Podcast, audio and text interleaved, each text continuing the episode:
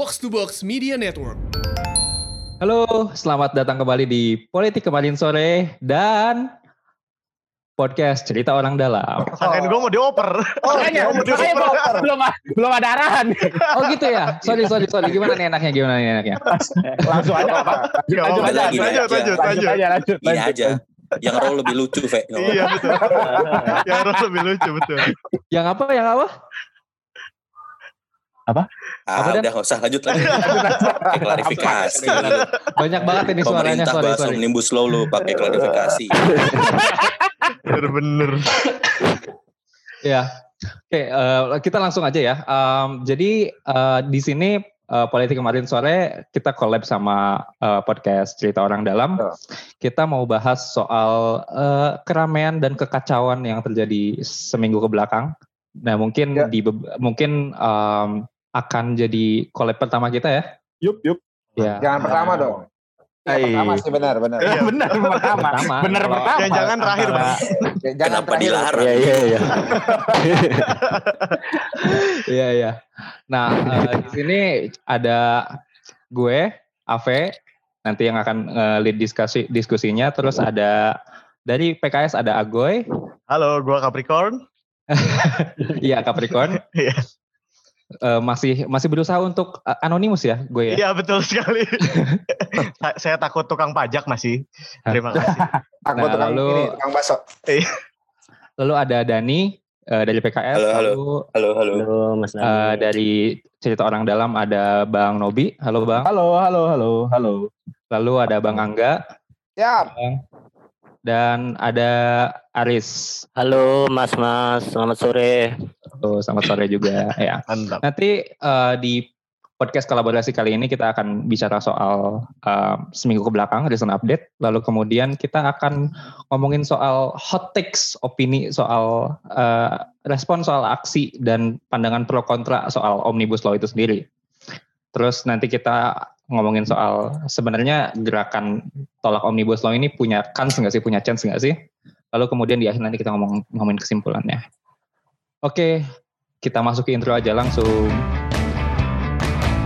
kan keputusan MK tentang rumput eksekutif sudah dibahas. Dibilang nggak ada naskah eksekutif, eh, naskah ada nih, as- naskah ada, naskah ada akademisnya. Yang bener aja, apa kita orang tolol semua? Ya, halo, selamat sore semuanya. Bro. Selamat sore.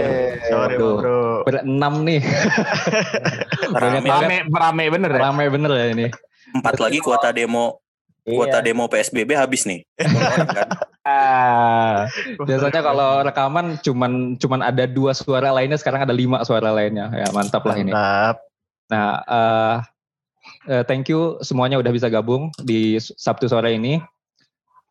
Kita mau eh, review sebentar kali ya. Eh, sampai Sabtu sore ini, sampai Sabtu sore ini apa aja udah yang kejadian gitu ya. Jadi em, sejak hari Senin disahkan tanggal 5 Oktober disahkan dari mulai Selasa sampai Jumat itu banyak banget gelombang ini ya, banyak banget gelombang eh, unjuk rasa dan mungkin puncaknya itu ketika hari Kamis eh, sampai 1100 1100 orang itu ditahan di Jakarta dan katanya eh, semuanya itu dites dan 14 orang dites reaktif. Ini Iya. menurut suara.com. Nah, nanti mungkin eh, bisa ngomongin lebih jauh soal ini karena kok bisa apa semalam semalam doang Cepat, terus cepat 14 ya, cepat. orang dites reaktif gitu loh. Kita mau swab aja seminggu nunggunya kan ya. Kalau reaktif kan emang cepat. Oh, yang ini- rapid ini tesnya tes rapid ya? test. Nah Iya, itu tuh. rapid. Yang tidak akurat itu. Tapi tulisannya di berita tulisannya positif soalnya. Iya. Ya, namanya betul. minggu berita. Ya. Kalau pakai reagen-reagen nggak ngerti ntar orang bang. Nah, terus yang kedua eh, ini ada belasan gubernur ya. Mungkin hampir semua yang masuk berita itu ya gubernur-gubernur yang yang gue tahu yang masuk berita itu memang gubernur yang dekat-dekat aja yang Jawa Barat, Jawa Tengah. Gue pikir dekat sama lu, Fe. Dekat sama banget ya. Iya makanya. Ya, yang dekat-dekat. Dekatnya sama gubernur. Lo Iya. lo kira gue anak siapa? Gila gila. ya, tapi eh, sekitar puluhan kepala daerah ya ya. Eh, karena kalau belasan gubernur puluhan kepala daerah karena ya ada wali kota, ya ada bupati juga eh, menyurati Jokowi dan DPR soal aspirasi masyarakat eh, soal omnibus law. Nah, ini nggak sama seperti mereka punya sikap menolak ya, ya nggak sih?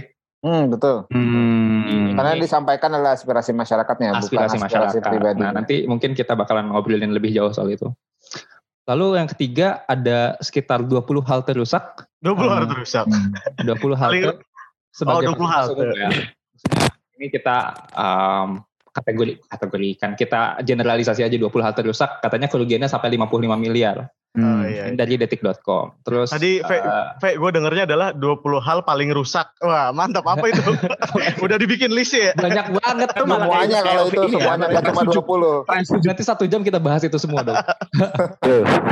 Iya, kayak on the spot ya. iya makanya. Banyak banget. Aduh. Terus terus. Nah, eh, itu itu di Jakarta. Nah, terus katanya ada yang marah-marah. Siapa? Surabaya katanya ada yang marah-marah. Siapa? Eh, Nggak tahu. Oh. Nanti kita mungkin bahas soal itu ya.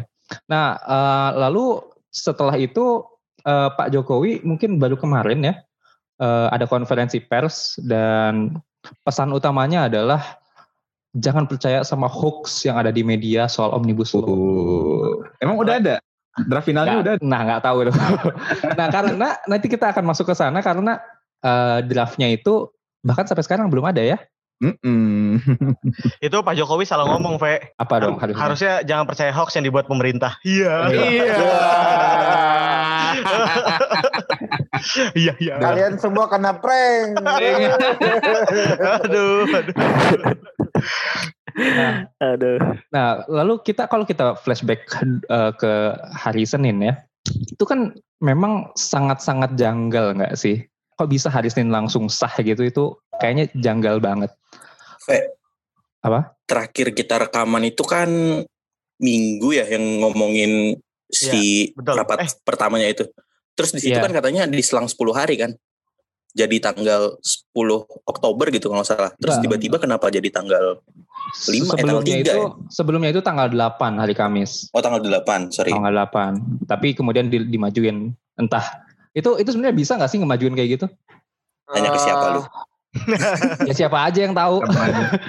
Ah, menurut gua kalau gue sih sebenarnya lihatnya ya bisa-bisa aja karena kan itu kan hak haknya PR. haknya DPR RI kan gitu. Tapi gue jadi ngerti jangan-jangan itu alasannya alasannya kenapa belum ada draft final yang sebenarnya gitu karena harusnya kan dipersiapkan eh, apa namanya Kamis ya kita tanggal 8 mereka bisa ngoreksi typo dan segala macamnya gitu. Hmm. Ternyata kan dimajuin kan Sabtu diketok tahap pertama Senin langsung paripurna.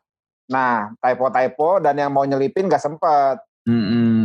Rasa sidang skripsi dimajuin ya, panik kita. sidang skripsi tiba-tiba hari Kamis, tiba-tiba jadi Senin, wah panik itu. Belum nyiapin PPT segala Iya, macam. betul. Itu sih. Kalau kalau menurut gue sih gitu. Jadi ya Hmm. ya ya ya gitu. Tapi sebenarnya ketika kan jadinya orang-orang suuzon kan, nah, kenapa nih majuin majuin hari Senin gitu. Eh memang kabarnya bukan kabarnya, memang jadinya kita curiga karena udah udah tahu nih publik hari Kamis, terus kemudian ya memang hari Kamis itu mau dilan eh, dari Senin sampai Kamis itu mau dilancarkan banyak aksi kan. Terus Hmm. kita curiganya ini jangan-jangan gara-gara takut sama aksi nih gitu. Karena abis itu DPR langsung reses ya nggak sih? Yoi. Iya, karena ada yang positif juga kan, banyak. Iya. Ah, iya sih Dan, dan benar. memang jadwalnya reses harusnya. Hmm. Iya, iya. iya. gitu. Nah, Paripurna reses. Jadi kalau dicari orang, oh saya lagi kunjungan. Gak tahu kunjungan ke mana. Nah dari situ aja udah dari kita mundur ke hari Senin aja udah banyak banget em, apa ya? Jalan. Udah banyak banget kecurigaan dan keanehannya ya. Tapi kita mundur mundur beberapa hari lagi itu lebih aneh lagi karena sejak kapan DPR mau begadang-begadang untuk bikin undang-undang gitu. Jadi hari Sabtu tanggal 3 Oktober itu mereka begadang sampai bikin rumusan undang-undang ini agar selesai gitu loh. Nah itu pun Mau begadang, lagi, nggak bukannya sih? sebelum rapat udah selesai. Sebelum Iya, rapat selesai. sebelum dikasih ke DPR udah selesai sih. Ya, Eh, ya. enggak, tapi gue inget, gue inget ada satu lagi momen eh, ketika mereka mau sampai malam-malam begadang. Gak cuma Ucilaka. Hmm. KPK ya bang. Waktu, bukan, waktu nentuin siapa ketua sama wakil ketua DPR. Itu juga Oh. sampai malam tuh. Pokoknya yang berurusan sama mereka langsung, mereka mau. uh, Oh, sampai gitu. malam. Iya. Tapi kalau nggak berurusan sama rakyat yang lain-lain gitu, RUU PKS, eh, RUU yang lain-lain, RUU masyarakat adat, kayaknya ya mereka bodo amat gitu. Yang Hmm. penting kita kerja 8 jam sampai yang 8 jam gitu. Kirain yang di TikTok yang sampai malam. Nah, di TikTok yang mana? TikTok. Ah. Waduh, tidak disambut umpannya. umpannya tidak Nyambut, nggak ada yang dapet. Tapi bingung belokinnya bang, gue tahu bang. Ngerti gua, Bang. Paham ngerti-ngerti aja lah ya. Ini yang nggak tahu Aries nih ya, jangan-jangan ya. Iya.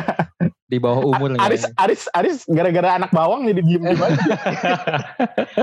Menyimak bang ini Ya, bang. ya. Menyimak. Dia nyari ilmu, dia nyari ilmu. ngapain di TikTok malam-malam, ngapain anggota DPR malam-malam gitu. Wah, iya. Eh, dan itu pun eh, di ballroom hotel ya. Di ballroom iya, hotel gitu ah. dan nggak nggak di gedung parlemen kalau nggak salah. Iya, Bukan, kan bukan. Gimana di di hotel mana sih dia? Mereka rapatnya? Alexis ya? Bukan, Ding. Wah, Lupa, lupa. Tutup. Lupa, udah tutup. tutup, ditutup sama. Gue ini. lo lagi berhadapan sama yang nutup gue. Makanya lempar dulu. Main lempar-lempar aja lu. lempar dulu aja. Nah, tapi sebenarnya gue gue lupa gue lupa dis- disclaimer nih buat em, pendengar kita. Ini mungkin kita bahas situasi karena omnibus law, tapi kita nggak akan bahas omnibus law itu sendiri ya. Oh, iya. Iya. Ya karena, Karena bingung. buat nyampe substansinya aja udah banyak masalah, apalagi di dalamnya gitu ya, Fe. Iya. sembilan ratus halaman. Mending baca kok, mending baca yang lain gue. Iya iya iya. Enggak. Dan pun enggak, dan yang bukan berseliweran di Twitter tuh aneh-aneh semua gitu loh karena karena, karena eh, di reply-nya kemudian baik oh ini hoax bukan yang aslinya ya terus yang asli yang mana asli yang mana? bingung bahkan kayaknya tadi tadi siang gue baru dapat dapat potongan video dari uh, salah satu media ya dari Kompas di Mhm. polisi ditanya gitu. Jadi Oh, uh, Oh iya, iya, iya. bapak tahu hoax itu dari mana gitu. Ya saya dapat kita tahulah itu mana yang hoax yang mana yang bukan lah. Dia nggak punya dia juga nggak megang draftnya terus nentuin yang hoax yang mana gitu.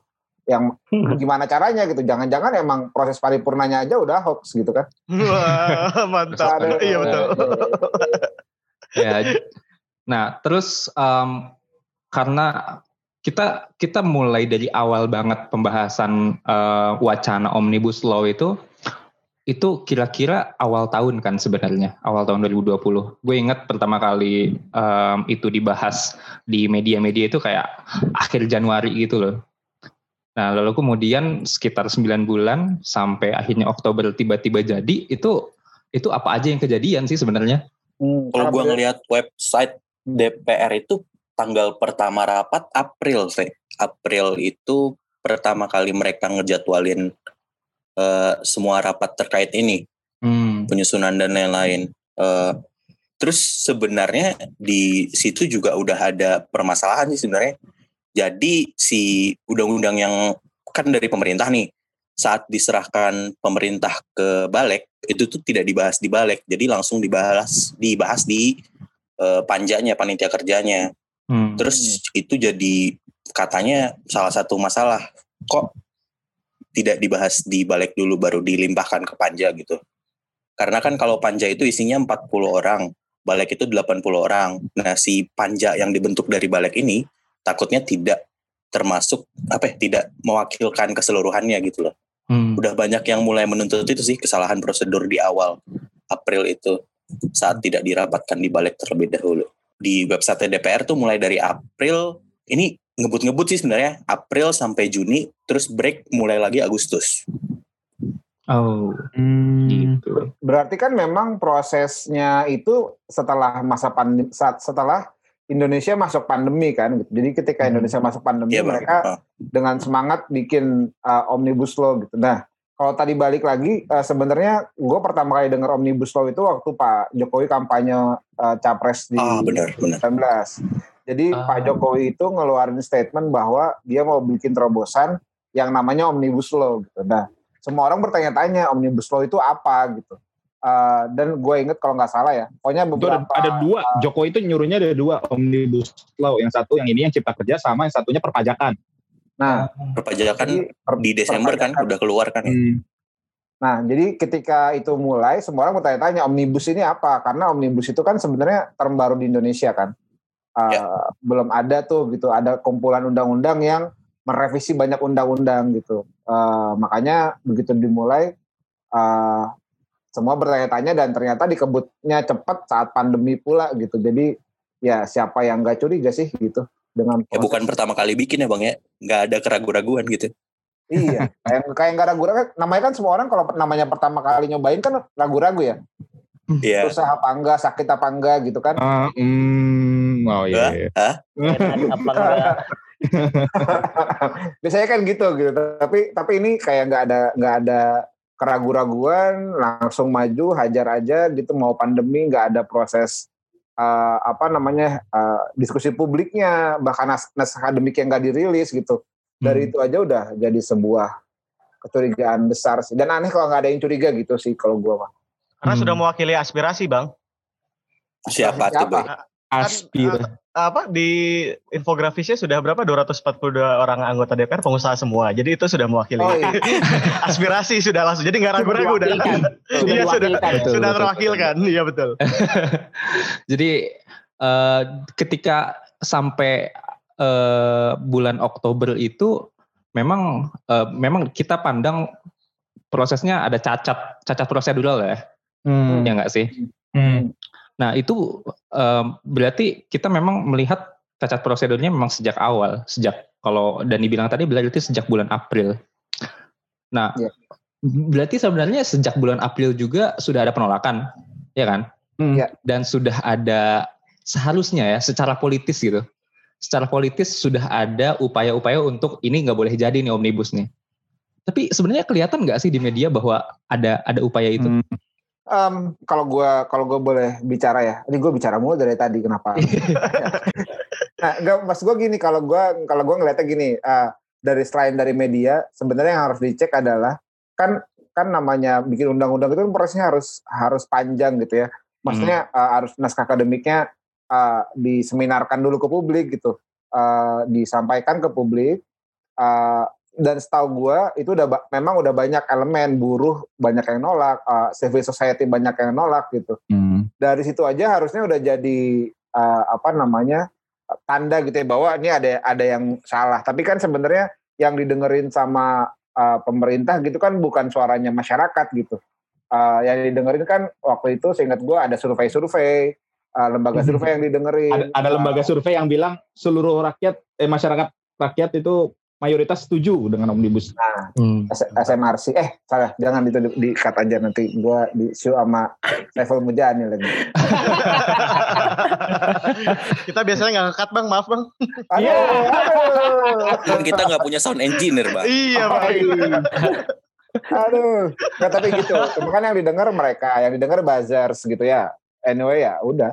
Hmm. Akhirnya gue kita- gue nambahin dikit. Em, kondisinya itu kayak kontras itu sempat kalau nggak salah bulan Januari tadi sempat baca di Twitter itu ini udah minta draftnya omnibus law cuma Ya, ya. kata Kemenko Marves bilangnya rahasia gitu. Oh. Bayangin gak sih lo, Pak Luhut bilang rahasia. Ada ada artikelnya artikelnya di Tempo kalau nggak salah. Ah, Oke oke oke. Ya itu itu buat pen- pendengar kita ya biar lihat sendiri, bukan bukan buat kita kan. Iya iya. Ya oke mungkin kita balik lagi ke present day ya. Hmm. Ketika eh, dari Senin sampai Jumat itu, sorry dari Selasa sampai Jumat itu banyak banget aksi di berbagai banyak tempat gitu ya. Yang kemudian em, khususnya di Jakarta yang sangat di em, yang sangat disorot gitu ya. Yang kemudian aksi jadi rusuh anarki, lalu kemudian kita lihat banyak fasilitas umum banyak fasilitas umum terbakar, banyak fasilitas umum rusak dan segala macamnya. Eh, ini ada yang punya apa ya? Ada yang punya opini, ada yang punya pendapat nggak mengenai itu? So- sorry, sebenarnya gue koreksi dulu. Anarki itu bukan metode aksi, anarki itu sistem pemerintahan. Iya. Pandalis. Pak, pandalis, pandalis. Ah. Vandalis, oke. Vandalis. Sorry, sorry, sorry. Gue kayak media mainstream jadi sekarang nih. Iya. Coba tolong, tolong. Enggak mas gue itu biar kita nggak salah juga. Ngerti, gitu. ngerti, Nanti kan sistem pemerintah. Coba coba tanya Aris yang bakar-bakar Aris gimana Aris sebagai yang lempar molotov Aris? Iya dari dari saya masuk ya Mas ya. Ya, ya, ya. Halo. Silakan, silakan. Halo. Ya. Aris yang hilang tuh. Ya. Udah Ah, diciduk kayaknya nih, udah diciduk matanya. itu gara-gara ada tukang bakso bawa hati itu. Jadi dia nunggu nunggu tukang baksonya nunggu Aris ngomong. Pas Aris ngomong langsung diculik. Iya. Langsung ada bukti gitu ya. Nah, jadi kemarin kemarin waktu hari apa namanya hari Kamis ya. Kalau gua nggak ikut, gua gua nggak ikut secara langsung sih eh, aksinya. Eh, gua lihat di depan kantor em, dan kantor gua ditimpukin batu juga gitu sama demonstran. Iya, Di mana tuh kantor lo, Bang? di balai kota. Wih. Jadi di apa apa gue lagi Cek, cek. eh, sebelum Aris ngomong karena Aris di lapangan tuh kemarin dia yang Oh, bakar-bakar. Jadi dia nyuruh dia nyuruh balai kota ditimpuk. Kemarin. nah itu jadi ya apa eh, lihat dengar lihat situasinya gitu ya. Kamis itu pas gue keluar gue ngobrol sama demonstra eh, teman-teman yang aksi peserta aksi itu kita lagi ketawa-ketawa itu lagi bi- bikin ngopi apa lagi beli kopi di Starling gitu ya ngobrol lagi dengan orasi tiba-tiba dipukul dipukul mundur sama polisi itu Ah. bahkan tear gasnya sampai masuk ke balai kota sih Hmm. Waduh. apa gas sampai masuk Kira-kira sengaja nggak tuh bang? aduh aduh aduh aduh saya bisa jawab Kan abang yang di lokasi. Eh, iya, Kita kan cuma bisa berandai-andai. ya saya yakin itu enggak enggak itu enggak sengaja enggak sengaja Enggak. Meskipun arahnya kok arahnya belok ke kanan gitu tapi salah. Halo halo tidak halo. ada niat tidak ada niat gitu Nah, terus ya udah habis itu chaos eh, habis itu chaos eh, di depan Medan Medan Merdeka Selatan lalu di apa namanya pada saat kita lagi ngehalau gitu ya ngebantu teman-teman peserta aksi yang kena gas air mata eh, terus teman-teman peserta aksinya mungkin mengekspresikan kekesalannya juga oh ini bagian dari pemerintah gitu terus akhirnya kita dilemparin batu juga gitu dilemparin batu Tuh. tapi yang paling epic dari itu adalah ada satu, ini gue bukannya pro tentara ya, tapi ada satu tentara yang lari ke depan, uh, terus nenangin masa gitu. Dia bilang, eh, apa, ini kalau gue nggak salah inget ya, mungkin uh, Nobi bisa koreksi kalau gue salah, tapi dia bilang, uh, jangan ke sini, uh, musuh kita sama, kita tuh sebenarnya teman, kira-kira gitu lah. Musuh kita bukan di sini gitu. Waduh, tentara kita siap-siap melawan DPR dong berarti. Eh, saya nggak tahu yang dimaksud apa. Sukanya ngadu-ngadu ya. oh iya. tapi tapi kira-kira gitu lah. Cuma maksud gue ya, abis itu masa dia, maksudnya masanya tenang gitu, Heeh. nggak lemparin batu lagi. Karena ada ada masa juga yang ditolongin di dalam ya kan. Ada yang Iya. pingsan, ada yang sesak napas dan segala macam gitu dan kita minta tolong tuh. Eh, Hmm. dek, dek, dek, tolong dek itu tenangin deh, bantu dek. Akhirnya lu ditenangin. bilangin, Eh, temen lu aman, aman. bilangin gitu. Temen lu bilangin, temen lu bilangin. Eh, jangan, jangan, jangan, jangan. Ada yang tolongin di sini, jangan, jangan. Iya, iya. Gitu ya. First Itu hand experience ya bener ya. Iya. Eh Arisnya, coba dari peserta yang ngelempar molotov, Aris. Iya. Halo cek cek. Mantap. Mantap. Tukang baksonya udah Iya. diberesin ya? Tukang bakso udah diberesin. Ya sorry tadi ada gangguan teknis sedikit mas. Habis berantem sama tukang bakso. Iya. Ya jadi kembali ke pandangan turun aksi kemarin sih ya dari saya. Memang terjadi pembakaran kantor polisi, pos polisi, halte dan lain-lain di Jakarta gitu kan. Ya menurut saya itu yang suatu hal yang pasti terjadi saat demo gitu kan. Karena kenapa? Kenapa coba? Ayo. Ayo. Aduh. Arisnya nggak bisa ngomong. Kenapa? Kenapa di tengah podcast ada kuis? Orang bener ini podcast. Aduh. Terus, sebenarnya kan ya ya sebenarnya demonstran datang aksi itu kan karena kecurigaan masing-masing.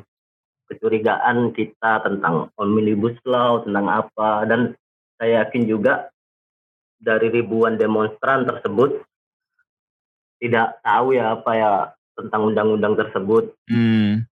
kayak gitu kan termasuk saya juga nggak baca sih juga kan dapat hoax-hoax dapat hoax-hoax dari Twitter, Instagram, media sosial lainnya kayak gitu. Jangan Tapi ngaku dulu mas harus mas. jelas- Iya mas ya. Jadi yang jelas itu kan para dem- demonstran turun aksi itu kan ingin bertanya gitu kan, ingin orasi bertanya gini-gini mencari tahu gitu. Pas Aris ngomong kita diam semua ya. Terus kalau jadi serius sih, gue jadi bingung. Iya, iya. Aris Aris serius banget di sini. harus dengerin, harus dengerin. Kan jarang-jarang ngomong. Riz, tapi waktu kemarin turun ikutnya rombongan apa, Riz? Ah, rombongan rombongan kecil sih mas dari kos saya kan kos di Jakarta gitu. Oh kan. gitu. Saya juga sebenarnya kan nggak tahu apa-apa tuh tentang undang-undang ciptaker ini Hmm. kayak gitu kan. Tapi kosnya keren ya. Kos-kosannya perjuangan sekali ya.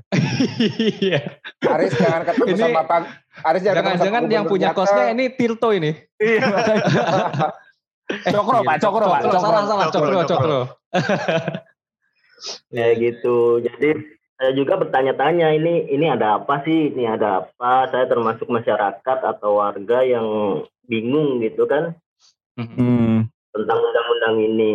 Dan juga Hmm. pemerintah juga bikin undang-undang itu bahasa apa ya? Bahasa politik yang nggak semua orang tahu juga gitu. Hmm. Undang- Karena emang gak ada sosialisasinya juga kan. Iya. Iya kayak gitu. Terus lo Jadi ngelihat apa aja tuh ketika lagi aksi lo ngelihat apa aja? ngelihat orang maksudnya Pak. Apa aja yang kejadian depan depan Lu sih nanyanya gitu? salah. iya, itu pertanyaan bercelah itu. Enggak, enggak salah. Salah. Enggak salah jawabannya, enggak salah. Eh, ini gue ulang Jadi pertanyaannya ya, itu Mas, Mas Aris. Jadi pas kemarin demo apa lihat Bapak Luhut di tengah-tengah? siapa tahu Iya, ya. Iya dong. Ah. dia nyamar gitu. Nah, siapa tahu. Nyamar. Yang nyamar Wiranto beda dong. Oh iya bener salah betul betul.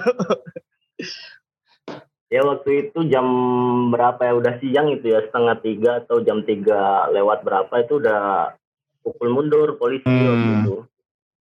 Dari setengah Sebenarnya tiga ya. sebelum kejadian brutal ya kriminal merusak merusak apa jalan merusak halte bakar itu aman-aman aja sih waktu jam-jam itu ketika mun dipukul mundur kejadian di tempat ya mau gimana lagi gitu kan.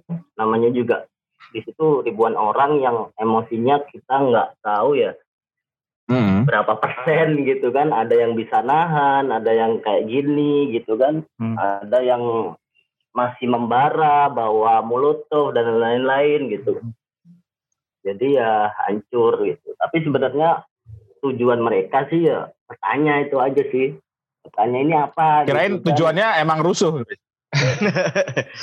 mungkin ada sih beberapa itu memang dari rumah gitu kan Emang Eh, bawanya molotov ya. gitu. Wih, Udah lama ya. itu itu udah udah yang dari dulu demo kayak gitu sih ya kan Ah, pasti akan ada sih. Kayak gitu. Iya, iya, sebenarnya kalau kalau gue sih kalau gue pengen mencoba melihatnya adalah uh, di antara orang-orang yang marah itu sebenarnya kan sekarang gini semua orang fokus nyerang orang-orang yang marah kan tapi nggak ada yang nyerang kenapa sih orang itu bikin marah gitu kenapa sih orang ini marah kan harusnya kalau orangnya adil sejak alam pikiran as Uh, sudah. Mereka harusnya mikir juga oh anggota Ah. anggota DPR-nya yang bikin orang-orang marah kan ya itu juga disalahin dong gitu. Jangan cuma orang yang marahnya. Makanya kalau ada orang yang marahin orang-orang yang marah jangan-jangan Eh, Mereka bawahannya anggota DPR. iya. betul juga. Kebetulan satu PT pak. bisa satu Iya, PT, iya. bisa satu partai. Pak. Ya, tapi kan masuk, masuk sebenarnya lagi ya Kenapa, Riz? eh gimana gimana, Riz? Eh, jadi kayak pro kontra soal aksi soal apa itu perusakan dan lain-lain jelas jelas ada pasti kan yang pro ya pasti saya saya cuma bertanya gini ketika yang kontra dengan kerusakan dengan aksi yang mereka yang diam di rumah atau nonton gitu kan terus dia menghujat kayak gini-gini itu sebenarnya harus tanya juga ini Mhm. siapa yang buat kayak gitu yang kayak Pak Angga tadi bilang gitu kan Hmm. Hmm. Gua gua nambahin dikit dong. marah ya.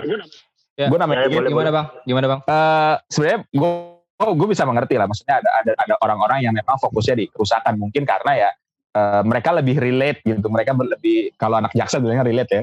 Lebih nyambung. Mereka nggak nggak nggak ngeh tuh kalau ada kebakaran hutan pembakaran hutan ada eh, perusakan lingkungan dan segala macam mereka nggak relate. Karena ya mereka yang pengen yang mereka lihat ya haltenya ya di situ yang dekat dengan dirinya gitu. Tapi ya itu mungkin salah satu ada yang kayak gitu atau memang ya dia dia emang naik busway suka naik busway tapi bisa juga memang tadi ya siapa tahu dia sebenarnya pengen mendukung omnibus law cuma malu-malu jadi ada mumpung ada sasaran tembak ya udah serangnya itu gitu. jadi memang ada dua dua pihak gitu ada yang emang memang Iya. mereka lebih relate relate dengan halte karena ya mereka ngerasa ah ya tidak ada kerusakan hutan gitu tidak ada kerusakan lingkungan gitu Ya kelihatan ya. iya Iya. Ada yang nyamar juga ya Mas ya. ada yang bagian atau mereka yang juga yang yang ngebakar sebenarnya terus nge ngevideoin sendiri Waduh. Nino, Nino, Nino, Nino. Tapi kalau mengingat hal tersebut, eh, apalagi mereka juga udah protes gitu ya. Mungkin tadi juga bahasannya orang-orang ini yang nyerang ini mungkin nggak relate ya. Hmm. Dan salah satu sebenarnya kan bentuk keru- perusakan ini juga kan sebenarnya salah satu tujuannya bisa kita bisa kita maknai juga sebagai bentuk bahwa ini ya udah gue nggak bisa beraspirasi lagi lewat jalur politik, lo juga nggak ngasih aspirasi kita, kenapa kita nggak lewat jalur lain aja? Dan juga nyebarin apa namanya eh, awareness lah ke sesama bahwa ini tuh ada hal yang kacau gitu loh. Hmm. Nah dari sana Hmm. tuh eh, dari sana tuh sebenarnya gue sangat eh, gue cukup menyayangkan kenapa ada hal yang nggak dirusak sama pendemo. Apa? Nah ini adalah eh, tower Telkomsel. Aduh, jangan dong. Biar sekalian eh, biar sekalian kaum borjuis tidak bisa WFH. Oh. Biar semua merasa ya jadi ini semua semuanya relate jadinya nih bahwa lu tuh harus sadar coy. Nge- ngecek ngecek tower Telkomsel sama bedanya sama yang eh eh, Iya. Indosat bedanya apa? Taunya yang dirusak smart eh, taunya yang dirusak smartfriend ya. iya. Makin ada gunanya dong. makin Udah banyak yang melukai kaum proletar lu. Iya. yang marah-marah Mas Iya, iya. Nadim ya. Ini kota saya kok nggak habis-habis. Iya iya iya. Kalau gue sih gue tuh ngerangkumnya itu dengan harus memang harus seimbang pe- pemikirannya itu harus seimbang ya antara antara lo harus fokus ke apa problemnya di mana. Tapi kemudian harus seimbang juga nggak berarti harus merusak fasilitas umum dan segala macamnya. Kalau dalam kalau gue tuh mencoba menggambarkannya itu pakai beatnya em, gue gue dengar komedian namanya tuh Louis C.K. Nah dia tuh Iya, punya enggak lo doang yang tahu Louis C.K. di Ah. sini mah. iya Iya, nggak apa-apa. Lu jangan jangan ngejatuhin Ave. Jangan ngejat Ave itu lagi pengen sombong. Ave lagi pengen Jangan sombong. gitu dong. Jangan Gue jangan berani support yang dari COD kan Iya. HP doang. Jadi beatnya itu eh, ada dua kategori gitu yang ada dua kategori yang eh, bisa menggambarkan situasi ini itu. Situasi of course but maybe. Jadi kayak of course itu kayak hal-hal yang harusnya kayak memang kita percayain dan kayak ya ya memang ini bener gitu loh. Terus but maybe-nya itu kayak mungkin ya lo nggak harus ngelakuin ini juga gitu loh. Kayak of course demonstrasi itu harus disruptif dan kayak kecenderungan kecenderungan untuk ngerusak itu kayak kelaziman lah gitu ketika lagi Itu demo apa gitu. startup? Enggak, itu kata teorinya demo tuh Oh gitu. disruptif, Bang, gitu. Oh, kirain startup. Enggak. Loh, itu Startup harus juga disruptif. menghancurkan. Iya. Enggak kan disruptif kan itu eh, apa hitungannya disruptif gitu. Oh iya iya. But maybe kalau ngerusak fasilitas umum itu yang jangan yang di- biasa digunakan sama kelas pekerja gitu loh. Ya kalau kelas orang kaya kan nggak pakai fasilitas umum lah. Nah, apa kek gitu. Fasilitas umum apa kek yang dipakai gitu ya? sama orang ini mungkin. Ya mungkin memang eh, pada akhirnya Ada simbolisasi simbolisasi halte itu menurut gue ya untuk kemu- simbolisasi halte untuk kemudian dibakar atau dirusak itu menurut gue kurang pas aja sih. Sebenarnya Hmm. mungkin karena e- emosi masa sih. gue ngelihatnya ya ketika ada yang yang di depannya itu yang bisa dirusak atau dicoret atau segala macam itu yang yang akhirnya dikenain. Jadi gampang banget kalau lu lu punya masa banyak. Gini loh, orang Indonesia tuh kalau rame berani ngapa-ngapain. Cuma kalau sendirian kagak berani. Iya. ya makanya strategi polisi kan gitu kan nge- ngecerai berain dulu baru diambil satu-satu gitu kan. Ah, ah. ya benar. lu lihat yang video itu nggak yang mobil tiba-tiba keluar dari mobil tiba-tiba narik satu orang itu. Oh iya iya. Itu parah sih. Ada ada yang video yang ini bukan demonstrasi yang kemarin sih, tapi ada video yang di mana si polisi itu narik-narik orang yang narik-narik demonstran yang pakai motor, tapi kemudian oh, pas ketarik- dihajar dia kabur. ketarik ketarik ke bagian yang banyak demonstrannya, terus habis itu dia kabur. Itu dipukul dulu sama demonstrannya Iya. tuh. Jadi Jadi- nendang, nendang Iya. demonstran yang naik motor, gitu dipukul dia kabur gitu. Iya, Ya, iya. Biasalah polisi gitu. Jadi Aduh. emang itu berlaku untuk dua-duanya, berlaku untuk demonstran dan untuk polisi sebenarnya. Betul sekali. Berhubung polisi juga masih orang Indonesia ya. Iya. Kalau sendiri juga nggak berani. Iya, iya, iya. Ya gitu sih. Mungkin ada yang punya opini lagi soal kemarin-kemarin. Gue gue pengen nanya ini sih eh, lebih ke lem- ngelempar aja. Ada kan katanya eh, demonstrasi yang rusuh-rusuh kayak gini kan udah udah maksudnya udah berapa kali lah kejadian di kita. Dan kayaknya hasilnya eh, belakangan ini hampir nggak ada gitu lolos-lolos aja semuanya. Apakah ya? mungkin bisa mempertimbangkan alternatif lain misalnya kayak eh, jatuhnya kayak ngelumpuhin kota gitu Nah, demonya Nutup lebih gede ya. akses Lebih- Eh, bisa Oh. lebih kecil tapi nutup akses umum gitu gue misalnya Ah, iya. bandara nutup eh, pusat Lebar apa ya. nutup pusat apa gitu Heeh. di Di Bandung sini karena kan di Bandung ke gedung DPR juga DPR-nya nggak di tempat ke Iya, iya. Istana Pak Jokowinya lagi ngelihat unggas bingung-bingung kan kita mau ke mana juga lo, lo ngomong Ada kayak yang- gitu sama orang yang jadi balai kota dan gimana sih? gue nggak nyebut balai kota Enggak, tapi gini, kalau gue kalau gue kalau gue ngeliatnya gini, ini pengalaman gue ya. Eh, dulu itu eh, memang ini salah satu penyakitnya dari pemerintahan kita ya dari setiap zaman kecuali jam kecuali Pak Gus Dur.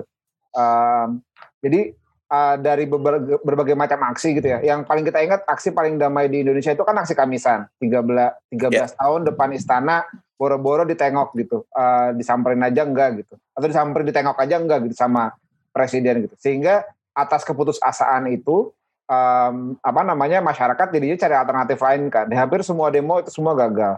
Kalau tadi bicara Ya. soal lumpuhin lumpuhin apa namanya bandara, seingat gua waktu awal corona gitu ya, covid itu eh, di Papua itu bahkan masyarakatnya yang mau nutup nutup Ya, ya. bandara kan dia Hmm. nutup bahkan eh, memenuhi landasan gitu ya bandara supaya nggak ada yang nggak ada yang mendarat. Tapi kan eh, apa ke apa ya ketulian pemerintah akhirnya mengintervensi itu langsung supaya bandaranya dibuka. Nah menurut gue sebenarnya kalau dari metode aksi sih metode aksi itu bisa macam-macam. Tapi yang paling penting adalah ma, pemerintahnya mau denger apa enggak gitu. Karena mau kita udah nutup jalan tol, mau kita udah nutup eh, dudukin mall, dudukin akses segala macam transportasi publik. Kalau memang pemerintahnya nggak punya sense ngedengerin masyarakat ya percuma aja gitu. Paling Iya, malah bakal jatuh korban lebih banyak gitu. Iya, Jadi Memang harus dipaksa ngomongin- denger kan bang? Ya Iya. kalau ngomongin warna dan variasi Hong Kong kurang kreatif apa tapi pemerintahnya kayak gitu juga bang ya iya gitu. benar benar Makanya benar. Iya, iya. setahu gue, jadi yang menurut gue yang paling penting adalah kita semua mendorong masyarakat untuk bersepakat bahwa orang-orang yang ada di pemerintahan sekarang itu memang nggak mau dengerin kita gitu. Kita cuma jadi objek. Nah metodenya bisa pilih macam-macam. Kalau dari gue sih, gue lebih sepakat untuk eh, demonstran nutup Jakarta aja. Nutup Jakarta, blokir semua. Ini gue bukan memprovokasi ya. Ya, Kenapa? sekaligus lah bang Ini sekalian, enak Bukan, bukan. sekaligus Tapi- aja Sekalian karantina kesehatan nih Nah, lockdown itu. sekalian. iya Makanya sekalian di lockdown gitu supaya Iya. COVID selesai gitu. Itu. Iya. Gue lebih dukung itu. Tujuannya supaya Iya, iya, karantina kesehatan, bukan kepentingan oligarki. Eh, oligarkinya ya ya memang brengsek gitu ya. Eh, apa Uh. namanya? eh, saatnya warga tuh eh, bersatu gitu karena yang bersatunya kan dari DPR. Semuanya udah bersatu menyusun undang-undang. Nah masyarakatnya bersatu sih. Dan gue sebenarnya senang waktu kemarin eh, pas seharian demo itu banyak berita kayak apa ada ibu-ibu ngasih makanan, Hmm. terus yang di kali pasir nolong masyarakat yang lagi di sweeping sama polisi gitu. Hmm. Di Ternate polisinya disandra supaya apa supaya eh, polisi ngebebasin gitu, Ditangkap. ngebebasin apa? Ngebebasin peserta aksi yang ditangkap gitu. Nah, dan ini tuh udah ada jadi sense yang bagus, tinggal dikembangin aja, dijaga terus apinya eh, supaya nggak nggak misalnya sekarang nih berarti kan hari hari Minggu satu Minggu gitu, minggu depan aksi lagi supaya apinya tetap terjaga gitu. iya iya iya iya. Nah, ngomongin soal ngedengerin aspirasi dan apa pemerintah yang mendengarkan ya, kan sebenarnya Pemda nih cukup banyak nih yang kemudian kayak nerima uh, warga yang uh, aksi, lalu kemudian video Ridwan Kamil mencoba untuk nyuratin Jokowi, lalu kemudian uh, Pak Anies juga lalu, apa ngobrol sama demonstran gitu kan. Sebenarnya di sistem yang kayak sekarang, gubernur, kepala daerah nyuratin presiden itu sebenarnya punya punya power nggak sih, punya punya efek nggak sih sebenarnya? Enggak sih. Enggak ya. udah jawabannya udah itu doang. Iya, Uh, selain, selain jadi atraksi politik, itu kan cuma jadi atraksi politik aja siapa pun uh, Sultan Hamengkubuwono mau itu Khofifah menurut gue itu itu jadinya atraksi politik aja karena secara secara apa namanya secara konstitusional posisinya kepala daerah kan nggak ada dalam proses penyusunan undang-undang kan gitu.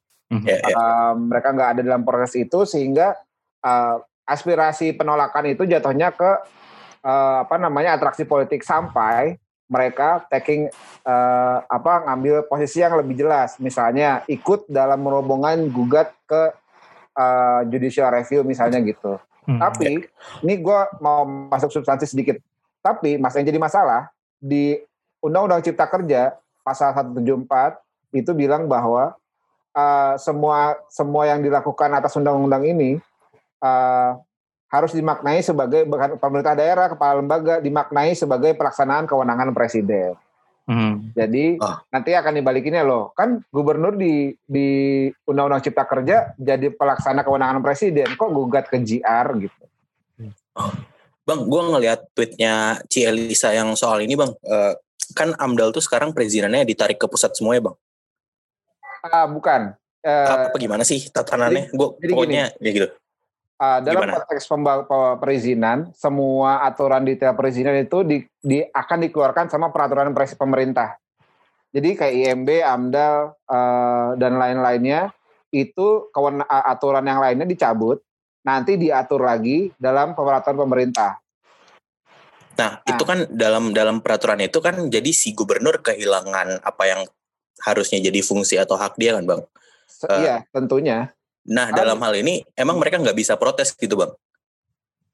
eh ya bisa aja protesnya gitu. Bisa makanya tadi sampai mereka harus langsung eh, gugat ini, gugat GR-nya ya itu bicara tentang lo. Gua nggak punya nggak punya apa eh, kewenangan lagi. Kok lu ngambil kewenangan dari gue sih gitu. Jadi harus sampai itu. Kalau cuma surat penolakan aja itu jadi atraksi. Nah gugatnya bisa satu itu bisa karena kehilang- kehilangan kewenangan untuk eh, IMB, untuk AMDAL, untuk hal-hal yang lain gitu jadi jadi apa itu jadi jadi penting buat kepala daerah itu ikut gugat ke mana pun gugatnya gitu sampai oke, mereka oke. menang gitu Gue ada follow up question nih bang. Eh, Ya. Kalau nggak salah ada berita yang bilang kalau Anies itu tidak dilibatkan dalam eh, omnibus law ada dalam diskusinya. Padahal Pak Anies ini ketua asosiasi pemerintah provinsi. Itu gimana tuh bang kebenarannya? Eh, itu iya, yang gua tahu memang begitu Eh, jadi satgas itu kan satgas omnibus law ya Mhm. satgas itu kan eh, semuanya diajak gitu Ket- ketua asosiasi pemerintah provinsi ketua asosiasi pemerintah eh, wali kota sama bupati semuanya diajak gabung tapi kan Hmm. kadang-kadang kan gini, kalau lu bikin uh, panitia gitu, ada yang diajak karena oh ini anaknya asik kita ajak ngobrol gitu. Oh ini anaknya gak asik nggak kita ajak ngobrol gitu. Ya, mau gue Nah. jadi injokes padahal tadi aduh. ya dulu kan Bang. Nah karena itu karena karena kepala-kepala saya tahu gue nggak cuma ABW sih, semua kepala daerah memang nggak diajak ngomong Ah, gitu. ngerti, ngerti, ngerti. Dan diajak Ya, cuma ya, yang ya. pengusaha-pengusaha doang. Hmm. Nah, mungkin kita bisa lanjut ke poin selanjutnya ya. Tadi udah ngomongin soal JR di MK Udah, dan iya. segala macamnya. Nah, yang dilakukan sama demonstran sekarang, setahu gue ya, Hmm. di apa informan gue da, informan gue masuk ke informasi gue dari eh, para demonstran yang dari UI itu mereka eh, demonya depan Istana Negara dan mencoba memaksa presiden untuk eh, menandatangani Perpu untuk menolak undang-undang ini. Hmm. Seperti eh, presidennya adalah eh, ketika Pak Pak SBY bikin Perpu untuk menolak eh, pilkada yang tidak secara langsung. Nah, sebenarnya apa gestur ini tuh masih masih efektif nggak sih sebenarnya kayak uh, aksi untuk kemudian memaksa Pak Jokowi untuk uh, menandatangani Perpu padahal dia beliau sendiri yang pengen ada omnibus law ini sebenarnya masuk akal nggak sih? Nih gue kaitannya sama Pak SBY itu kan kayak, kayaknya teman-teman udah pada gue mengingatkan cerita kisah lucunya ya hmm. uh, atas Perpu pilkada langsung dan tidak langsung itu jadi ini ini ini kisah uh, cerita yang kayaknya udah diceritain banyak orang. Cuma memang dulu itu setahu gua Pak SBY itu tidak ingin uh, pilkadanya tidak langsung.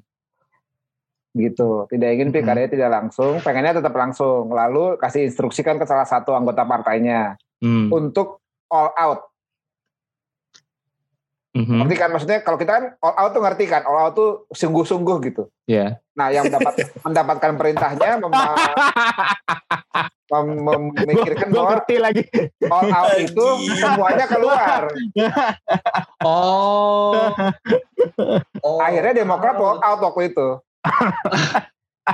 aduh. Aduh, aduh joknya, aduh, bapak-bapak sekali. Nah, ini, ini, ini bukan tapi, jokes, ini cerita ini, Ini cerita beneran. Iya. Ya Allah. Kayak ini inside cerita insider ya gitu maksudnya yeah, yeah. cerita cerita yeah, yang cerita apa, cerita orang dalam beneran orang iya. Gitu.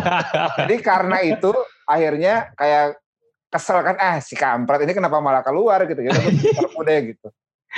Nah kayaknya itu gak akan kejadian nih di di yang sekarang gitu. Hmm. Karena ya dia juga pengen gitu. Kecuali tiba-tiba kes, uh, keseri, keserimut eh kan gue dulu nolak pembangunan uh, mall di pabrik es. Berarti hmm. ini karena gue tiba-tiba ingat setelah gue hilang ingatan, oke okay, kita bikin perpu gitu. hilang, ya, ya. merasa hilang pak ya. Jokowi yang iya. dulu, Jokowi yang dulu tidak sama dengan Jokowi yang sekarang. Aduh.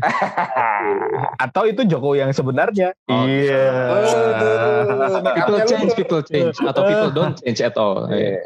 Atau, makeupnya luntur, makeupnya luntur. Jadi ya memang um, memang Perpu itu tidak dilihat sebagai yang apa ya sebagai opsi yang realistis ya.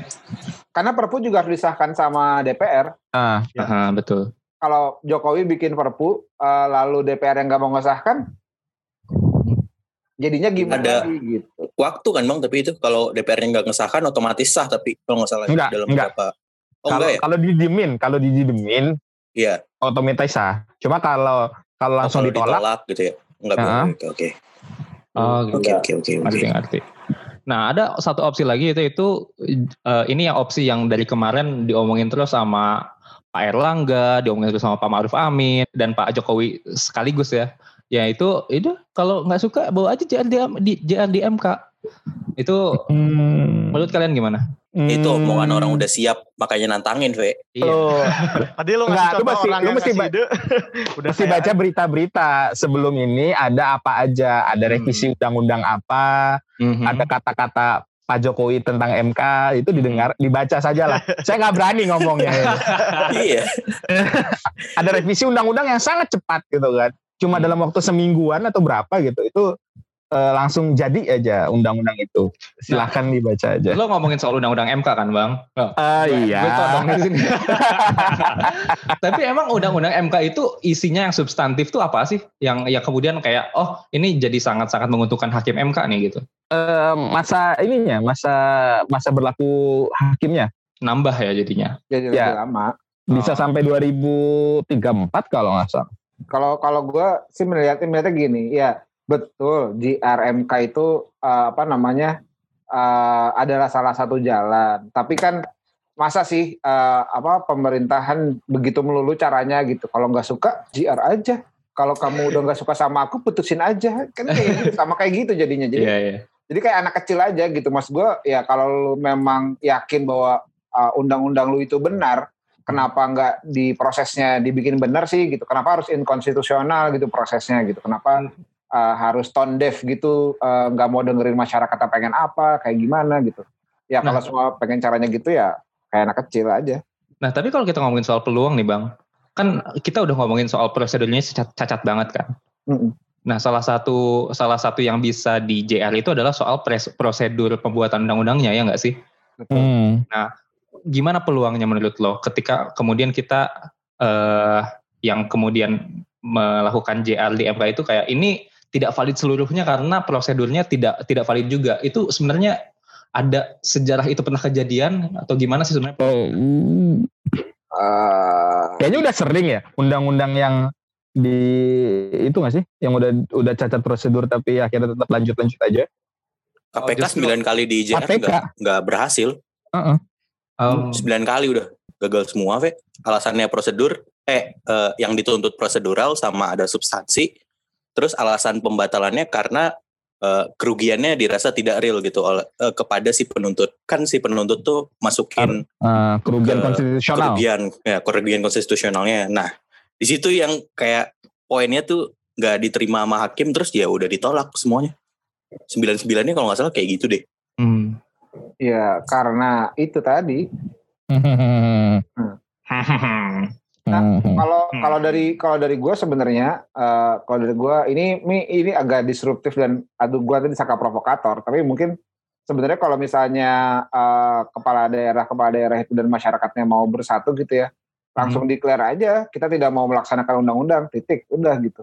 Hmm, gitu ya, bisa ya kayak gitu ya. ya ya berat Gimana tuh bang? Tolong tolong dirincikan bang, biar bisa dibikin general briefnya bang. Ya, maksudnya gini eh, apa bilang gitu bahwa daerah gue eh, nggak nggak mau ikut sama pemerintah pusat gitu cuma ya Hmm. bakal dianggap inkonstitusional sama pusat jadi bisa di impeach sama Kemendagri cuma kan itu Mhm. resiko yang mau diambil ya kalau Hmm, kalau ya, mau ya. disruptif gitu kalau mau eh, punya power gitu ya declare aja gitu ngelawan membangkang dari eh, pemerintah pusat karena cara cara yang pak cara yang paling legal GR aja peluangnya ada tapi kecil Eh, apalagi cara yang eh, tidak biasa gitu ya kayak apa namanya eh, apa demonstrasi gitu ya harus tetap kita lakukan tapi tapi menurut gua eh, kayaknya kita harus pu- punya strategi baru gitu yang Ah. mana didengar ya cari apa cerita-cerita ada apa eh, simpanan anggota DPR yang mau apa come out Nah itu itu itu itu itu. salah satu mungkin gila salah satu itu. cara yang bagus gitu ya dosa-dosanya dibongkar-bongkar aja tuh anggota DPR gitu. Iya. iya. Nah, ini kan mau pilkada nih bang. Apakah kemudian bisa dijadikan ini ini benar-benar hipo- hi- hipotetis aja ya?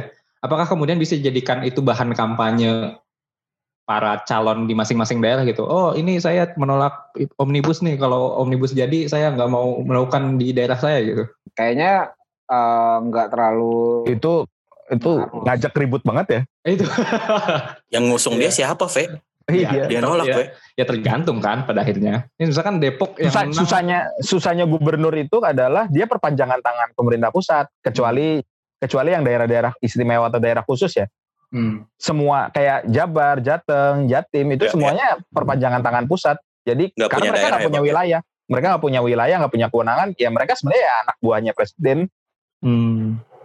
Ngerti, ngerti. kecuali Jakarta, Kecuali Aceh sama Papua. Aceh, Papua, Jogja juga. Jadi empat tempat itu bisa nggak kayak gitu? Kalau misalkan Jakarta, kalau misalkan Jakarta all out gitu terang-terangan all out lagi, all out gitu terang-terangan kayak berperang sama pemerintah pusat soal omnibus law ini, kira-kira gimana? Ya Bisa? lockdown impeach aja pasti. langsung rame. Impeach pasti. Mau lockdown aja rame. Cuma maksudnya Iya. itu nggak bisa. Jadi kalau kalau nih ini pendapat gue tentang kasus Jakarta. Eh, kalau Jakarta di mana apa namanya kondisi sosial politiknya itu polarisasinya sangat tinggi gitu ya. Mhm. Ketika ketika langkah drastis itu diambil, ini bukan ngomongin masalah nyali ya. Kalau nyali mah berani-berani aja. tapi ah, tapi maksudnya karena tambah kan karena situasi situasi politiknya polarisasinya tinggi eh, pasti ada pihak-pihak yang senang aja kalau misalnya jadi eh, senang aja kalau misalnya harus turun gitu. Ah, gitulah kira-kira. Cuma maksud gua ya memang kalau Aceh Papua berani eh, nolak itu wah itu keren banget sih. Kita merdeka. Jadi, jadi sebenarnya kecuali di per- kecuali Perpu dan JRMK, sebenarnya ini demonstran ini sebenarnya nggak punya strategi lain ya, kecuali kecuali untuk nge- memaksa DPR untuk ngebatalin, eh nggak bisa ngebatalin juga ya, nggak bisa Bikin yang, UU baru. yang ngebatalin ya harus bikin UU baru atau bikin undang-undang baru. Revisi. bikin perpu dan itu sangat-sangat tidak realistis ya. Iya. Dan Eh, kalau, hmm, yang paling konkret mungkin bikin gerakan politik ya, maksud gua yang lebih ya udahlah gitu. Ini ini yang sering gua tweet, ya. ini yang sering gua tweet eh, beberapa bulan terakhir gitu. Gerakan yang kiri sama gerakan yang kanan Mhm. Ibaratnya gitu, eh, orang yang dituduh anarko sama orang yang dituduh HTI, udah sekarang jalan bareng aja, duduk bareng, Hmm. eh, apa gugat pemerintah gitu. Mhm. Karena kalau yang kiri sama yang kanan itu udah duduk bareng sama-sama, pemerintah juga takut gitu. Karena masa jumlahnya jadi banyak. Ini kan Narko gugat Menarik, pemerintah tuh gimana bang? iya maksudnya yang Berarti dia dituduh percaya pemerintah dong. enggak yang dituduh anarko itu loh maksud gue. Oh yang dituduh narko. Jadi kan gini, SJW, SJW, kalau SJW. kalau SJW. kalian kalau kalian perhatiin gini ya eh, dalam konteks isu eh, kayak misalnya pilpres kemarin gitu itu kan yang yang eh, demonya yang rame kan sama yang kanan kan sama teman-teman yang konservatif gitu Ya, ya, ya. lalu eh, RUU KPK yang rame itu yang kiri Hmm. gitu yang misalnya dituduh SJW Em, yang sekarang juga sama kalau bayangin dua kekuatan itu duduk bareng sama-sama itu jadi sebuah power yang besar gitu Hmm. Salah satu yang bikin ketakutan di undang-undang KPK kemarin itu kan ketika polisi nyerang itu nyerang demonstran ke arah Tanah Abang. Mhm. Nah, Tanah Abang yang sangat kental dengan orang-orang yang konservatif itu ngelawan gitu. Hmm. Jadi jadinya rame gitu. Yang waktu pilpres kan juga gitu. Iya, Nah, iya, itu iya. yang yang menurut gua kalau mau sih daripada ngomongin gengsi-gengsi ya, udah eh, duduk bareng aja sama-sama, gugat pemerintah gitu. Ngelawan lawan pemerintahnya sama-sama. Jadi jadi lama-lama mereka ngerasa bahwa legitimasinya eh, makin hilang, makin hilang. Jadi benar lah insya Allah gitu. Itu kalau dari gua. Hmm. Itu yang lebih lebih pilihan ke depan ya. Karena ya selain itu Jadi setelah itu ya, memang PD. menurut lo dalam dalam dalam tempo yang singkat-singkatnya ini nggak bisa ya bang ya? Jadi dalam bisa. short term short term ini nggak ada nggak ada solusi gitu. nggak ada karena kan pemerintahnya udah nggak mau dengar gimana lagi. Cuma tadi ada Nah. solusi Bang Angga yang menarik, Ve. Kalau Itu nggak yang- mau dipukul lockdown. polisi, banyakin markas FPI berarti. pulangin dulu Habib Rizik Sihab. Iyo, itu Banyak loh di Twitter dan Instagram juga kalian sih mengusir-ngusir Habib Rizik Sihab. Jadi tidak ada yang bisa me- apa tidak yang bisa memimpin kan melawan pemerintah. Anjas. Eh tapi tapi itu benar. ini? Gue bukan anak 212 ya. Gue bukan anak 212, gue bukan anak Gak apa-apa, 412. Bang. Ada kok Agoy di sini yang dua tapi gue gak ikutan. Dua satu dua juga bang. Kayak alumni doang, alumni doang, alumni doang. Tapi mas gue itu salah satu bentuk ya. Maksudnya demo tertib, semua orang ikut. eh, itu kan demonstrasi juga gitu. Eh, orang akhirnya eh, apa namanya ngelihat itu jadi salah satu referensi gitu. Kalau di Twitter gitu kemarin-kemarin ya, contoh contoh dong demo yang damai nggak nyampah gitu. Referensinya apa 212 gitu orang-orang banyaknya gitu. Ya, Karena 212 yang di demo ngomong di media, Bang. Ini yang di demo nggak ngomong di media. Keluar-keluar Ya. nantangin JR. Iya, iya, iya, iya, iya. Tapi tapi gitu, mas gue kiri kanan gabung, eh, udah nanti bikin bikin hal yang lebih konkret di di 2024 atau ya itu deklarasi masih tidak percayanya, tapi semuanya apa semuanya duduk bareng gitu loh, yang kiri yang kanan duduk bareng kan aneh gitu kalau lihat orang pakai apa eh, ngacungkan tangan kanan pakai sorban sama ngacungin tangan kiri pakai baju hitam-hitam ngomong masih tidak percaya ke pemerintah itu keren gitu. Nah pertanyaan gue bang, omnibus law ini kan udah jelas banget merugikan, ya nggak? Nah kenapa yang lo bilang tadi yang kiri kanan berduduk bareng itu nggak kejadian selama enam bulan ke belakang? Kenapa itu nggak kejadian? Karena ada pihak yang ngejual dalam tanda kutip stigma gitu. Kalau lu deket sama yang kanan lu akan dicap HTI. Kalau lu deket Hmm. sama yang kiri lu akan dicap PKI gitu. Hmm. Padahal padahal orang yang jadi tokohnya nya, itu sama-sama bikin pabrik ayam. Oh iya, oh gua ngerti maksudnya. Kan gitu, kan gitu gitu. Sama-sama bikin pabrik ayam, salah satu nuduh kadrun, satu Ya nuduh ya ya ya ya ya ya. eh, ya. anarko. Ah udahlah. Ya, ya, ya. gitu. Yang kemarin ketangkep itu yang ada aksi sebab sebab aksi dan salah satu motor aksi itu sebenarnya bikin pabrik ayam bareng. Tong ayam bareng. Iya, iya, iya. Gitu kira-kira maksud gua itu ya itu Dian Dian. Karena kan sudah jelas gitu ya secara secara sikap NU Muhammadiyah menolak itu kanan ya enggak. Hmm. Terus kemudian SJW SJW dari dari kontras dari LBH dan segala macamnya nolak juga gitu. Terus kemudian di eh, parlemennya ada dua ada dua partai itu yang kemudian nolak juga gitu. Kenapa kemudian nggak join force gitu? Lalu kemudian nge- gedor parlemen bareng-bareng ketika enam bulan yang lalu gitu loh. Ketika ketika masih ada waktu untuk kemudian nge-push dan neken agar ini nggak jadi gitu loh. Nah itu gue gua nggak tahu ya, gue nggak tahu kenapa mereka enggak, tapi gue berharap setelah ini mereka mau semua duduk bareng gitu. Kan gini, eh, kontras ngegugat, PKS gugat, uh, Demokrat gugat, uh, NU Muhammadiyah gugat tapi nggak dalam satu forum yang sama-sama. Ah, ah. Jadi Aduh. dianggapnya ya mereka masih misah-misah nggak satu komando biarin aja gitu. Menurut gue karena ego masing-masing juga sih. Hmm, Ya hmm, bisa jadi. Ya, bahwa kondisinya kalau ditanya kenapa nggak dari dulu kondisinya itu kan mereka bilang ya nanti ini masih draft nanti masih bisa ada perubahan segala macam. Tiba-tiba mem- tiba-tiba dikebut cepet ada beberapa yang diselipin. Inget gak kayak ada ketua orang ketua komisinya itu dibilang tadinya ada klaster tadinya nggak ada udah dihapus nih. Tiba-tiba Ya, ada ya, ya. tikir dan segala macam. Jadi ada orang yang ya udah ngerasa oh masih masih pembahasan ya udah nanti santai aja segala macam dan kondisinya kan lagi pandemi ya orang rapatnya aja tertutup dan segala macam mau pandemi mau demo juga ribet gitu. Akhirnya ya udah. Baru kerasa ya bar- sama semuanya juga baru komen baru ngomel-ngomel kalau udah udah udah udah kena di akhir. Ya, tapi secara gambaran besarnya lo ngomong kayak gitu kalau kanan kiri kemudian yang di parlemen bisa gabung seharusnya bisa itu berarti lo masih percaya sama sistem yang sekarang atau lo ngerasa ini ini bu- bukti sistemnya udah rusak sama sekali gitu loh.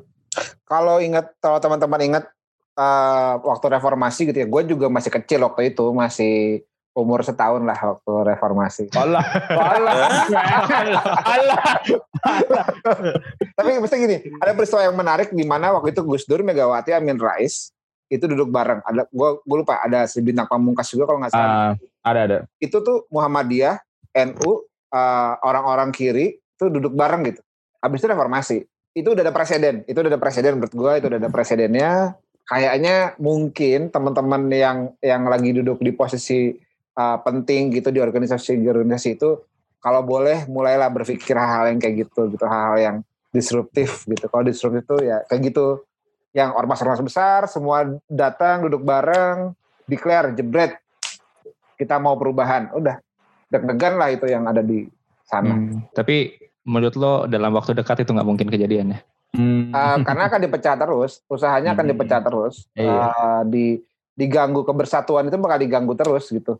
Pakai isu-isu yang sebenarnya nggak substansial. orang-orang Iya. udah dilempar kok dibilang dibiayai satu orang Ih, karena karena karena bu ormas pun menurut gue ya ormas dan atau yang kiri dan segala macam pun kerasa ah janganlah nggak usah dekat-dekat ke partai nanti dapat cap ini dapat cap ini oh ini emang gerakan emang sengaja buat ngejatuhin dan segala macam jadi ya akhirnya ya itu jadinya geraknya masing-masing Sebenarnya partai itu belum apa-apa udah bikin Twibbon, we. aneh juga partainya itu yang nolak tuh.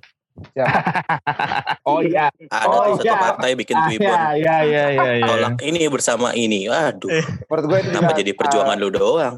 salah satu yang maksud gue kalau udah kayak gitu, lu nggak usah bawa-bawa partai sih menurut gue. Udah iya Iya, iya.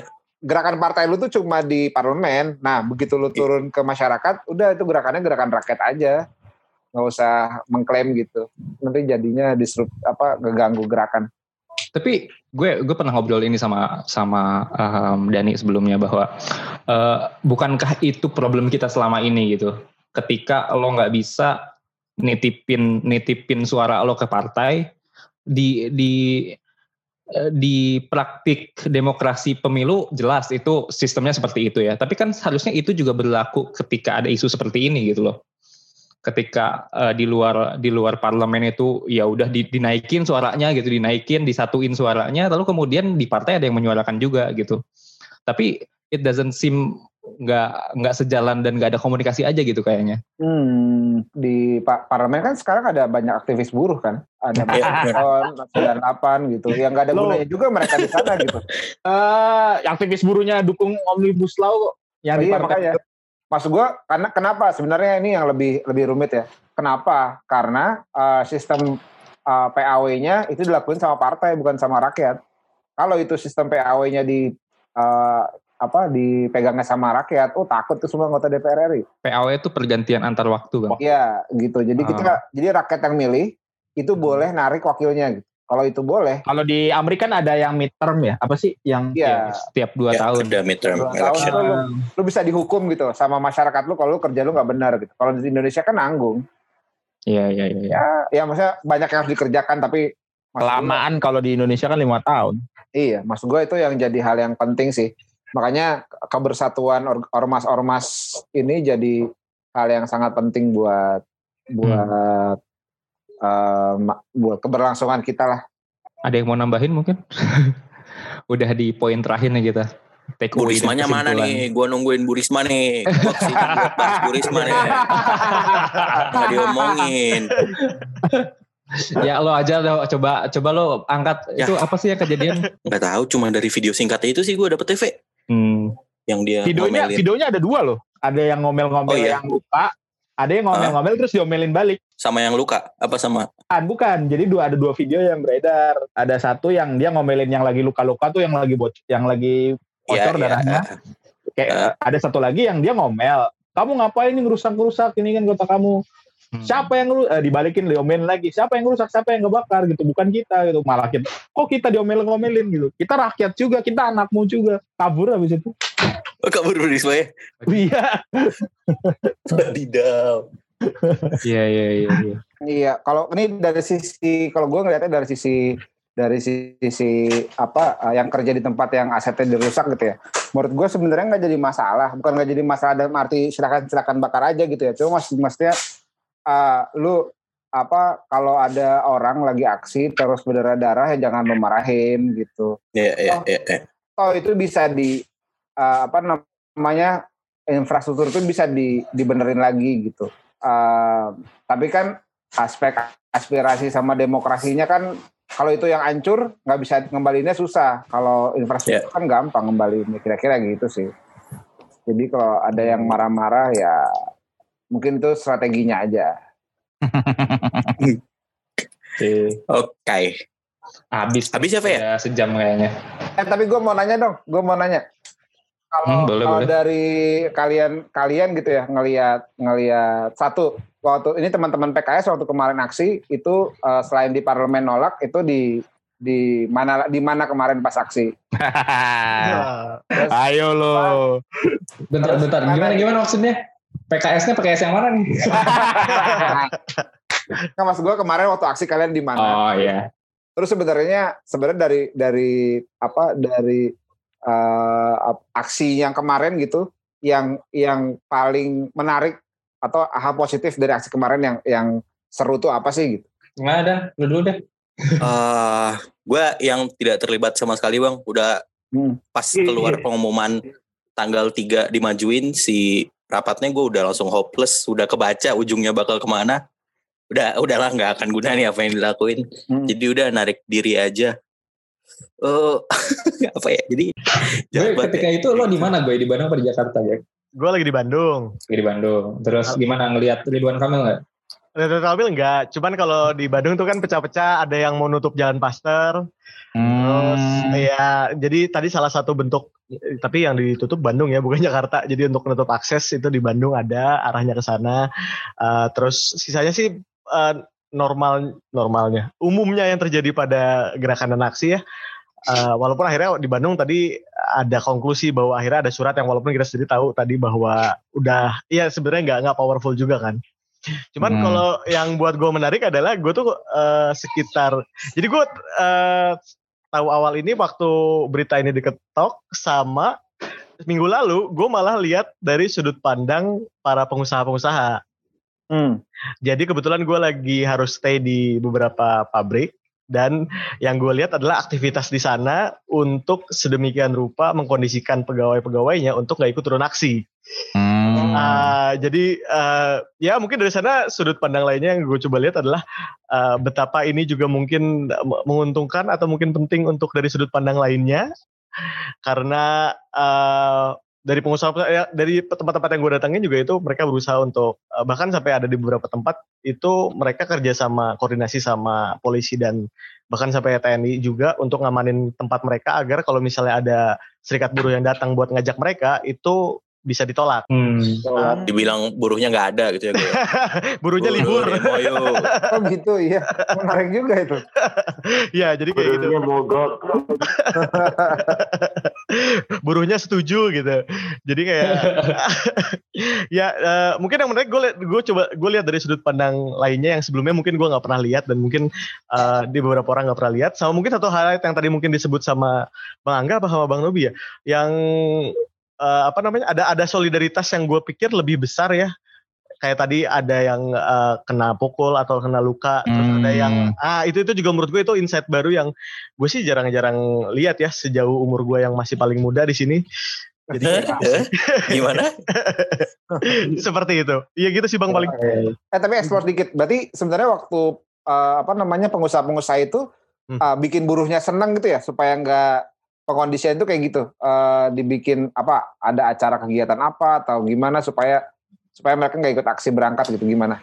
Enggak, pada akhirnya kalau nah ini gue nggak tahu nih Bang si buruh-buruh ini apa emang mereka merasa nyaman di tempat mereka masing-masing atau mungkin juga mereka nggak baca bahwa akan ada perubahan ke depan. Jadi eh, tidak ada kegiatan khusus yang dilakukan sih Bang. Mereka tetap kerja seperti biasa. Justru upaya yang dilakukan dari eh, si pabrik-pabrik ini adalah gimana menghalau kalau serikat buruhnya datang dan kalau ditolak sama si pabrik-pabrik ini mereka malah bikin rusuh. Jadi yang mau dihindari itu itu. Oh, oke. Begitu. Hmm. Bo- akhirnya sih pada berdamainya kayak ya udahlah diminta 20 kita kirim 10 aja kayak gitu-gitu. Hmm. Nah, ini orang kayaknya udah mau kita PHK suruh berangkat aja dia kayak gitu. Nyari alasan SP3 ya. Bagus Iya. juga. gitu Bang. Jadi alasan SP3 oke sedap. Kalau gue sih di Depok ya waktu itu. Gue kan yang pegang admin Twitter PKS ya. admin Twitter podcast ini. Terus kemudian gue pertama kali dapat eh, kabar bahwa dimajuin ke hari Senin jam 2 itu kan Senin pagi kan. Hmm. Gue itu langsung kayak mention mention media-media besar gitu loh. Karena sampai sab- ketika itu jam 11 Senin pagi itu jam 11 masih belum ada yang bilang kalau itu tuh dimajuin gitu loh. Jadi Hmm. kayaknya bukan cuma kita semua yang kegocek gitu ya, media-media juga kegocek kayaknya ketika itu.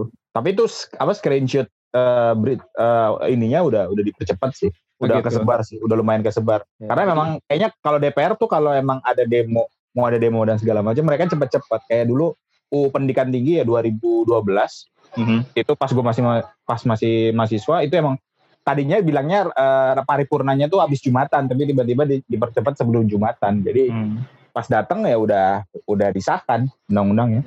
Oh waktu gue masih SD tuh. Sadap. Ada apa dengan laki-laki dan ketidakpedean yang akan umur? Semuanya merasa paling muda dari tadi. Berarti kalau kayak gitu gimana sih bang? Maksudnya kan rapat selanjutnya itu dibahas di atau diagendakan di eh, di rapat akhir rapat sebelumnya kan? Nah, Iya. ketika itu dipercepat atau dipindahkan waktunya, itu konfirmasi setuju atau enggak setujunya gimana? grup WA pak, grup WA kayaknya. Kan ada Ya kalau nggak setuju gimana? Jalan aja gitu. ya kan yang kalau mayoritasnya sepakat eh ya udah dibikin kan misalnya gini kalau misalnya lu jadi panitia kan eh ini dimajuin apa eh, jadi besok ya jam 10 gitu kalau mayoritas anggota grup bilang oke oke oke oke oke Kalau oke." jempol kuning jempol kuning udah keluar udah oke berarti ya. Iya, makanya. Lanjut aja cuma, ya. cuma ada Apalagi bisa pakai Zoom, kan? Gitu Apalagi bisa pakai Zoom kan. Ya Iya, udah di iya, aja kan. gitu gitu ya mas gua itu memang kadang-kadang itu hal yang biasa gitu ya yang gua tahu juga kadang-kadang DPRD juga sering gitu udah diagendain terus tiba-tiba mundur tiba-tiba Eh Aris maju. ke mana Aris? Riz, Riz. Ya, ya menyimak mas.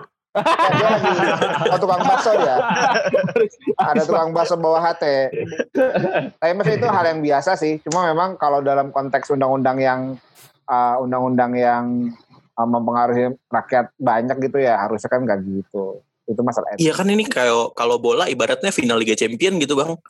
Lu Iya. kalau buka TV tiba-tiba udah selesai terus sudah juara kan ada ini juga bang. makanya Boston ya. Eh, Gue udah begadang nih nungguin ini terus tiba-tiba udah ngangkat trofi. Nggak nonton juga. Gimana? nah itu itu kan yang jadi bikin orang marah kan Iya iya. Eh, gitu yang etiknya nggak ada aja eh etiknya parah banget memang nggak nggak anggap masyarakatnya itu parah banget itu dia Iya mungkin em, kalau di kalau di dilihat dari uh, gambar yang gambar yang lebih besarnya ya, ini bisa jadi apa? Bisa jadi momen buat kita evaluasi soal selama lima tahun ke depan kepemimpinan Jokowi ini empat, empat tahun lagi gitu ya. Mungkin kita bisa evaluasi gimana seharusnya kita melawan uh, kehendak-kehendak oligarki di parlemen gitu. Karena masih empat tahun lagi gitu, ya kan? Masih mungkin masih banyak agenda yang harus digolin sama mereka gitu. Nah, mungkin ketika ketika kita udah merasakan ini, jadi mungkin mungkin kita bisa belajar gitu. Siapa pun ya, aktivis ataupun uh, kita sebagai warga negara yang um, concern gitu terhadap politik dan segala macamnya, kita mungkin bisa bisa gimana caranya kemudian kita kita bisa nyatuin suara yang sebenarnya suara ngomonginnya hal yang sama tapi kemudian nggak satu dan nggak nyatu dan nggak nggak apa ya nggak dijadikan satu kekuatan gitu sehingga um, nggak bisa kemudian nggak bisa melawan kekuatan yang ada di parlemen itu gitu. Setuju. Iya. Bineka Tunggal Ika tuh sekarang diujinya. Hmm. Mau lu dukung HTI, mau dukung PKI, kalau lu duk- kalau lu ngelawan oligarki harusnya lu duduk sama-sama gitu. Iya. Ya udah, kita revolusi. Ya.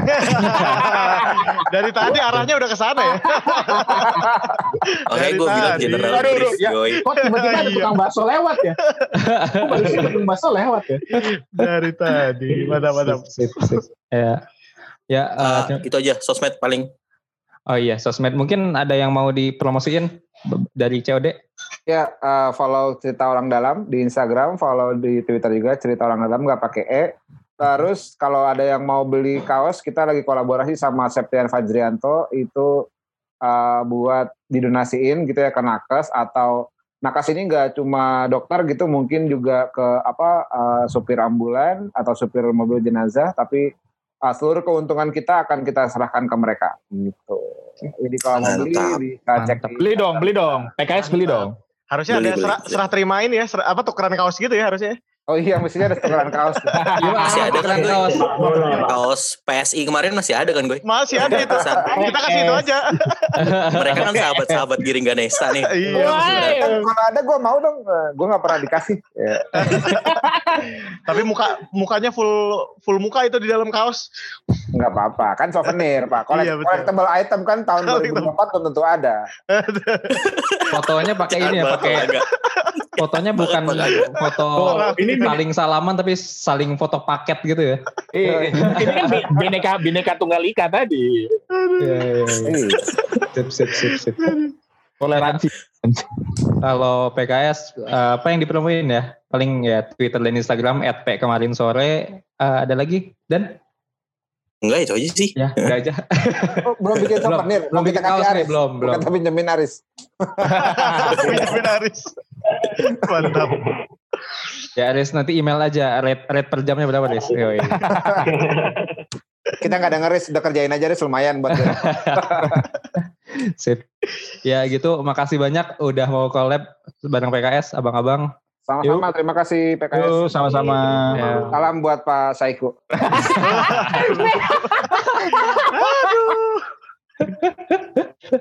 Iya iya iya iya. Ya mungkin salam juga sama sama yang ono junjungan yang anak gitu. Iya. Ya eh, terima kasih buat yang udah ngedengerin dari PKS dan dari COD.